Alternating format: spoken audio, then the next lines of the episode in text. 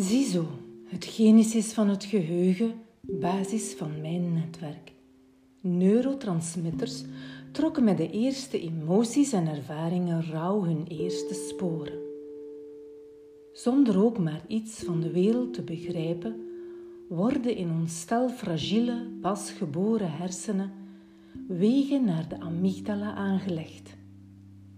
We hebben snel door hoe we aan ons voedsel moeten komen.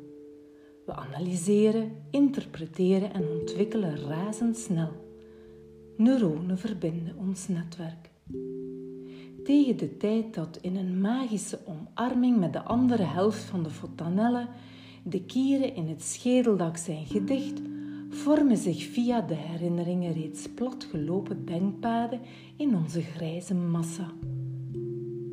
Als die herinneringen tegenvallen, hebben we pech en is het moeilijk om aan een leven te beginnen.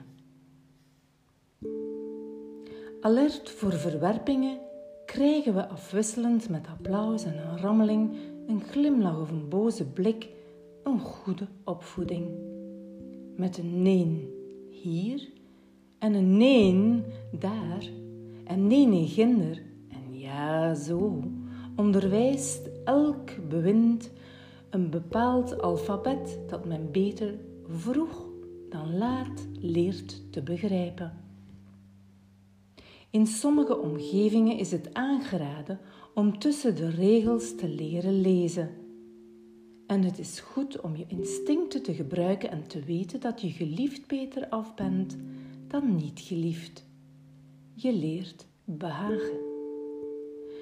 Toch is het nooit zeker of je verlangens naar geborgenheid zullen worden bevredigd.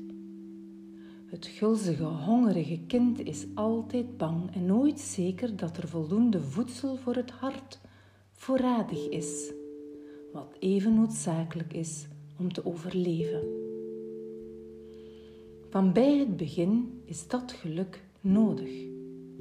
Beducht om liefde te krijgen, geven we, alsof het gratis stalen zijn, zoveel teugeloze kinderliefde dat het griezelig is. In een onoverkomelijke behoefte om ons te verbinden en ons te hechten, geven we onbelemmerd ons vertrouwen. Onbekrompen en met ons open hart imiteren we volgzaam en blindelings en vullen we lanterfantend en trouwhartig onze koffer met waarheid uit onze omgeving. Daarmee timmeren we neurologisch en daadwerkelijk aan onze weg. Sommigen stellen zich nooit vragen, ook jaren later niet. Ze blijven uit gewoonte een hele leven volgelingen van hun ouders. Anderen razen en schelden op puberale wijze. Regeltjes spuugzat kiezen zij voor een andere weg. Weg van doodlopende ouderlijke landwegen. Zij weten wel beter.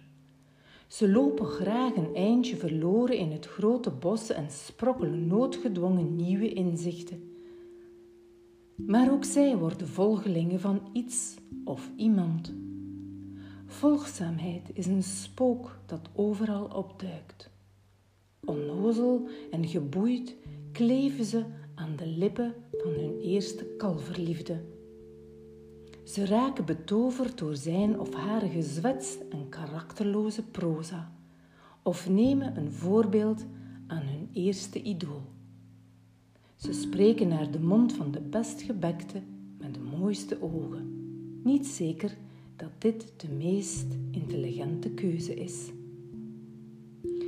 We vallen allemaal voor vormeloze verklaringen van liefde en gemakkelijke bevrediging. Kussen en wrijven over billen en warme opgewonden lichaamsdelen. En we geloven. We willen altijd in iets geloven. We geloven dat dat de basis is. Verliefd gooien we onder de noemer liefde de verzamelingen aan waarheden en inzichten bij elkaar. Met die informatie leggen we een nieuwe oprit voor onze eigen weg, bovenop oude wegen. Maar we blijven onze emoties meten aan het herkenbare. Zeker in nood grijpen we naar oude vaste constructies die ons via de navelstreng met onze genen zijn meegegeven. In onze geheugenkast hangen reeds een paar eeuwen overpeinzingen die ons netwerk beïnvloeden en snelwegen hebben aangelegd. We beklagen onszelf, zoals onze moeders dat deden. Als we verdrietig of tevreden zijn, rennen onze neuronen steeds over dezelfde weg en blijven we oude patronen herhalen. We staan er niet bij stil dat de geschiedenis zich in ons blijft herhalen.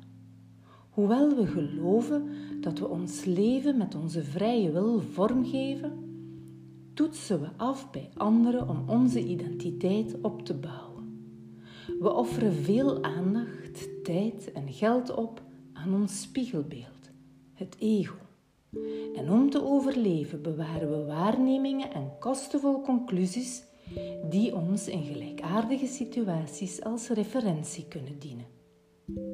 We willen scoren en de beste slagen thuis halen. We willen treffende reacties geven. Maar onze wortels zijn nu eenmaal al vergroeid met de grond van onze voorouders. Maar wie houdt zich nu bezig met de herkomst van zijn gedachtensporen? Wie weet waar zijn bron van waarheid of leugens ontsprong? Wie denkt aan zijn hersentraject wanneer hij iets wil ondernemen? Of aan de invloeden die uit zijn traditie voortkomen terwijl hij of zij vochtig van liefde het lichaam ontspant? Wie denkt aan zijn ouders, aan de repercussie van voorouders wanneer hij midden in het genot ligt te hijgen in afwachting van een explosie. Niemand vraagt zich af of zijn bed, bed overgrootmoeder gelijkaardige reacties had. We slaan onze armen over duizenden jaren en vele levens, een mengelmoes aan verhalen, ervaringen en vondsten. En we bereiden op onze neuronen de oude heerbanen. De sporen waarover we elke dag verder jongleren en accumuleren zijn. Op die manier klopt Plato's herinneringsleer wanneer hij beweert dat alle informatie reeds in onze ziel zit vervat. We worden ermee geboren. Laag op laag, eeuw na eeuw, worden we een lasagne van waarheden. Geëikt in een beschaving, gespijkerd en onwrikbaar. Onbewust hangen we vast aan vastgeroeste feitelijkheden die we niet bevragen.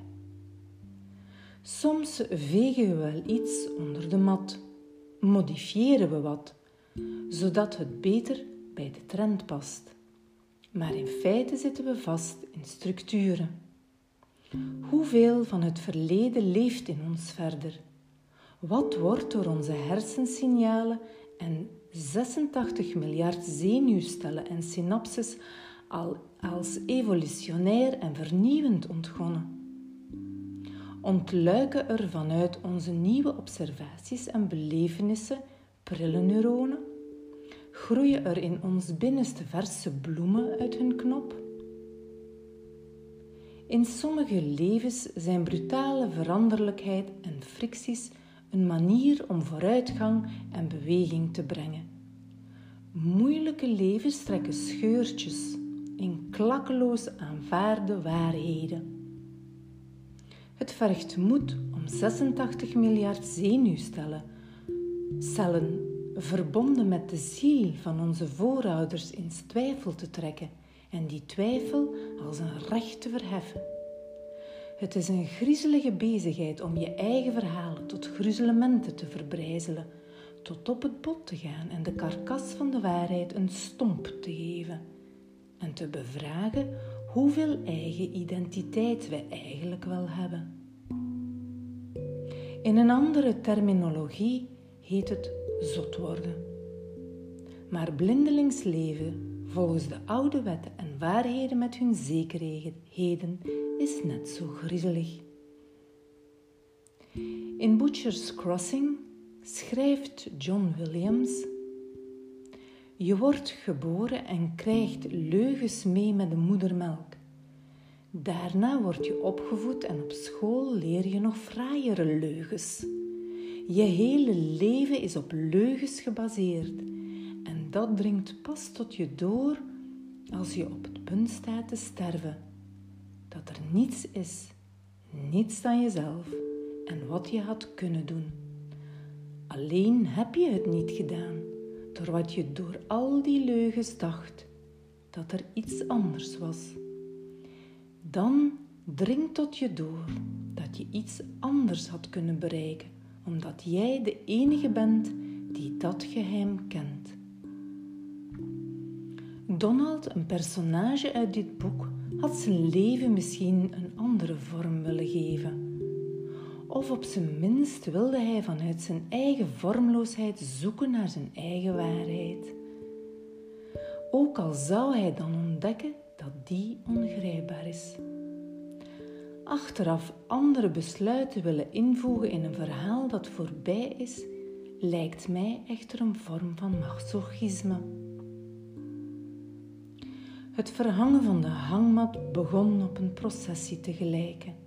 Ik had het Mijn hoofd zinderde in de hitte en leed onder de kleffe onrust van een aankomende migraine. Voor niets kon ik nog geduld opbrengen. Miljarden neuronen werden onverdraagzaam voor elkaar. Sommige gedachten tikten elkaar als suikerklontjes aan. En elk geluid werd ondraaglijk. De trage stoep, de trage stoet liep van de kastanjeboom naar de kastanjeboom. Van de kastanjeboom naar de notelaar. Van de kastanjeboom naar de vijgenboom. Ik mepte in het rond naar de vliegen die venijnig beten en was tevreden dat ik de moedigste gedood had. Maar het suste mijn onrust niet. Die groeide in mij als een vreemd orgaan.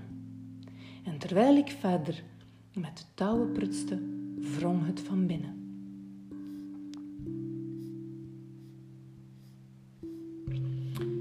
Uiteindelijk hing de hangmat erin. Ik dacht eraan geen verzet te bieden, de aanval te aanvaarden, zen te zijn. Maar dat sloegen mijn gedachten naar de maan. Wiegend keek ik recht in de ogen van de angst en ik verkrampte bij de gedachte aan de nakende pijn. Het werd steeds heter, geen zuchtje wind. De parasitaire onrust onrust verkleefde met de omgeving. Op zoek naar rust en evenwicht verviel ik in gemijmer, wachtend op een betere versie van mezelf. De hangmat schommelde log tegen de volumineuze billen van de hitte. Mocht ik erin prikken, dan zou een zweem van hete lucht als een zeebel openspatten. Een groep opgefokte mieren rende over de stam alsof ze een lijn kook gesnoven hadden. Ik was jaloers op hun werkkracht. Ik schommelde wat en staarde naar het loof en naar de wolkeloze hemel. Ik raakte bedwelmd onder mijn eigen opwindingen en angst. Alles baadde in treurnis. Ik wilde vooruit geraken maar was krachteloos en alles was zwaar, dik en kleverig. In de wolken wapperden futloze vogels. Duizelig en sloom vormden ze donkere haperende vlekken in de lucht. Het was stil. Het geluid lag opgezwollen, te lui om zich voor te planten onder het zeil van de hitte. Uiteindelijk werd ook ik loom ik wiegde mezelf in de hangmat. Met de punt van een stok koterde ik in de dorstige korst van de aarde. De vod uit Brazilië bewoog. Onder het dun laagje humus was het hart. Stel dat het nooit meer regent, dat de aarde stopt met hunkeren naar water, dat niets nog groeit, dat de natuur een hard en ondoorgrondelijk schild vormt en verbeten als een mens die lange tijd geen tederheid heeft gekend, ongevoelig wordt voor alles. Dat de uitgedroogde huid van moeder aarde geen zuchtje zelfliefde meer doorlaat. Impermeable geworden als de verdorde kern van een verbitterd mensje dat zonder het zelf te beseffen de mantel van de bitterheid heeft omgeslagen. Stille haat trekt door de wildernis van gedachten, vlecht zich rond het verlaten hart. Ten slotte neemt haat alles in. Ik zou er alle begrip voor hebben mocht moeder aarde alcoholiste worden en zich elke dag bezuipen. Wie wil zich niet verdoven in haar toestand? Wie wil zijn leven niet op onscherp stellen en zich troebel zuipen wanneer de ene na de andere rampje overkomt? De aarde wordt door iedereen misbruikt. Wie is absoluut? We mogen de aarde en haar bewoners niet verbitteren. We moeten ons naïef, embryonaal verlangen naar ware liefde blijven koesteren. Iedereen kan zijn recht op treuren opnemen, zich bedrinken of drugs gebruiken.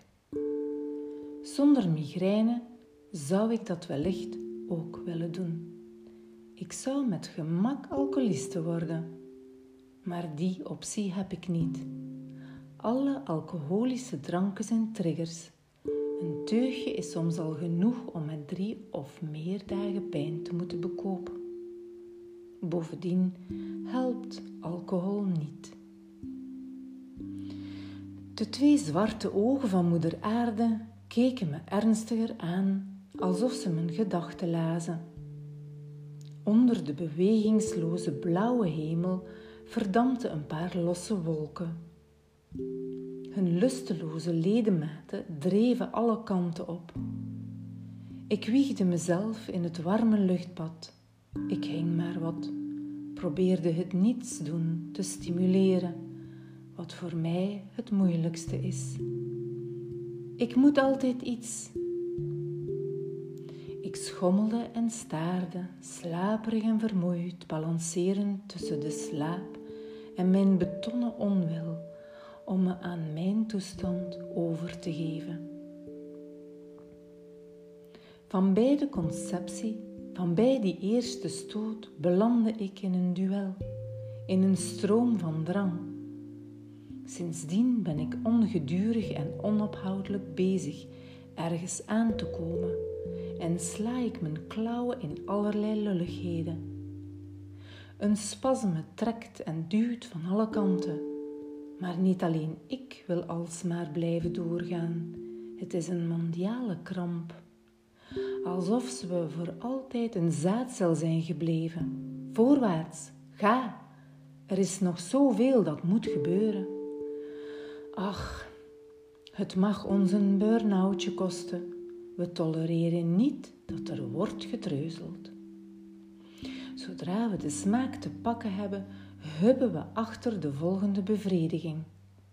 En nog voor die gebeurtenis is doorgeslikt, hubben we al naar, de volgende, naar het volgende verlangen, het vorige al vergeten. Als de prik uit de bevrediging is ontsnapt, wordt het weer begeerte. We moeten onze emoties stimuleren. Nog, nog, nog. Geef, geef. Niet treuzelen. De herinnering krijgt niet eens de kans zich als een herinnering te manifesteren. Ze transformeert meteen tot nieuw verlangen. De inspanning van België naar Salvador, 8215 kilometers en terug, maal twee om thuis te komen met een hangmat, een mooie maar verre vriendschap en verder bitter weinig herinneringen, is de stap naar een volgende reis in de cirkel van beleven, vergeten, herbeleven en opnieuw vergeten. Brazilië had niet veel indruk op me gemaakt. Zo eenvoudig was het. Mensen waren er net zo hebberig, terwijl ze ook aan yoga deden. Misschien waren mijn verwachtingen te hoog. Misschien hoopte ik op iets primitiefs in Bahia. Ach, alles is zo vergankelijk. Vrije, klaarkomen, reizen, smaken en verteren. Er is geen koelkast om het momento vers te houden en geen tijd om er een andere weg in onze hersenen mee aan te leggen. Waarom ook? Boeddha was er ook al mee bezig. Getiktak wilde hij weten waarom ons ongelukkig zijn bleef herhalen. Hij zag lijden in ons slaafse gedrag, in onze drang naar genot. Zes lange dagen mediteerde hij hierover onder een vijgenboom. Zijn conclusie was dat het verlangen de oorzaak van onze ellende is. Maar na elke bevrediging zou ik het als voetbalhooligan uitschreeuwen: Lang leven onze ellendige verlangens. Zelfs al krijgt Boeddha met zijn waarheid alle punten, en geef ik hem gelijk. Onze behoeftes hebben met hun dringendheid ferm bij ons pietje. Maar net dankzij dat dwingende karakter verzamel ik energie nodig om toch iets te ondernemen. En daarin zit voor mij ook veel vreugde.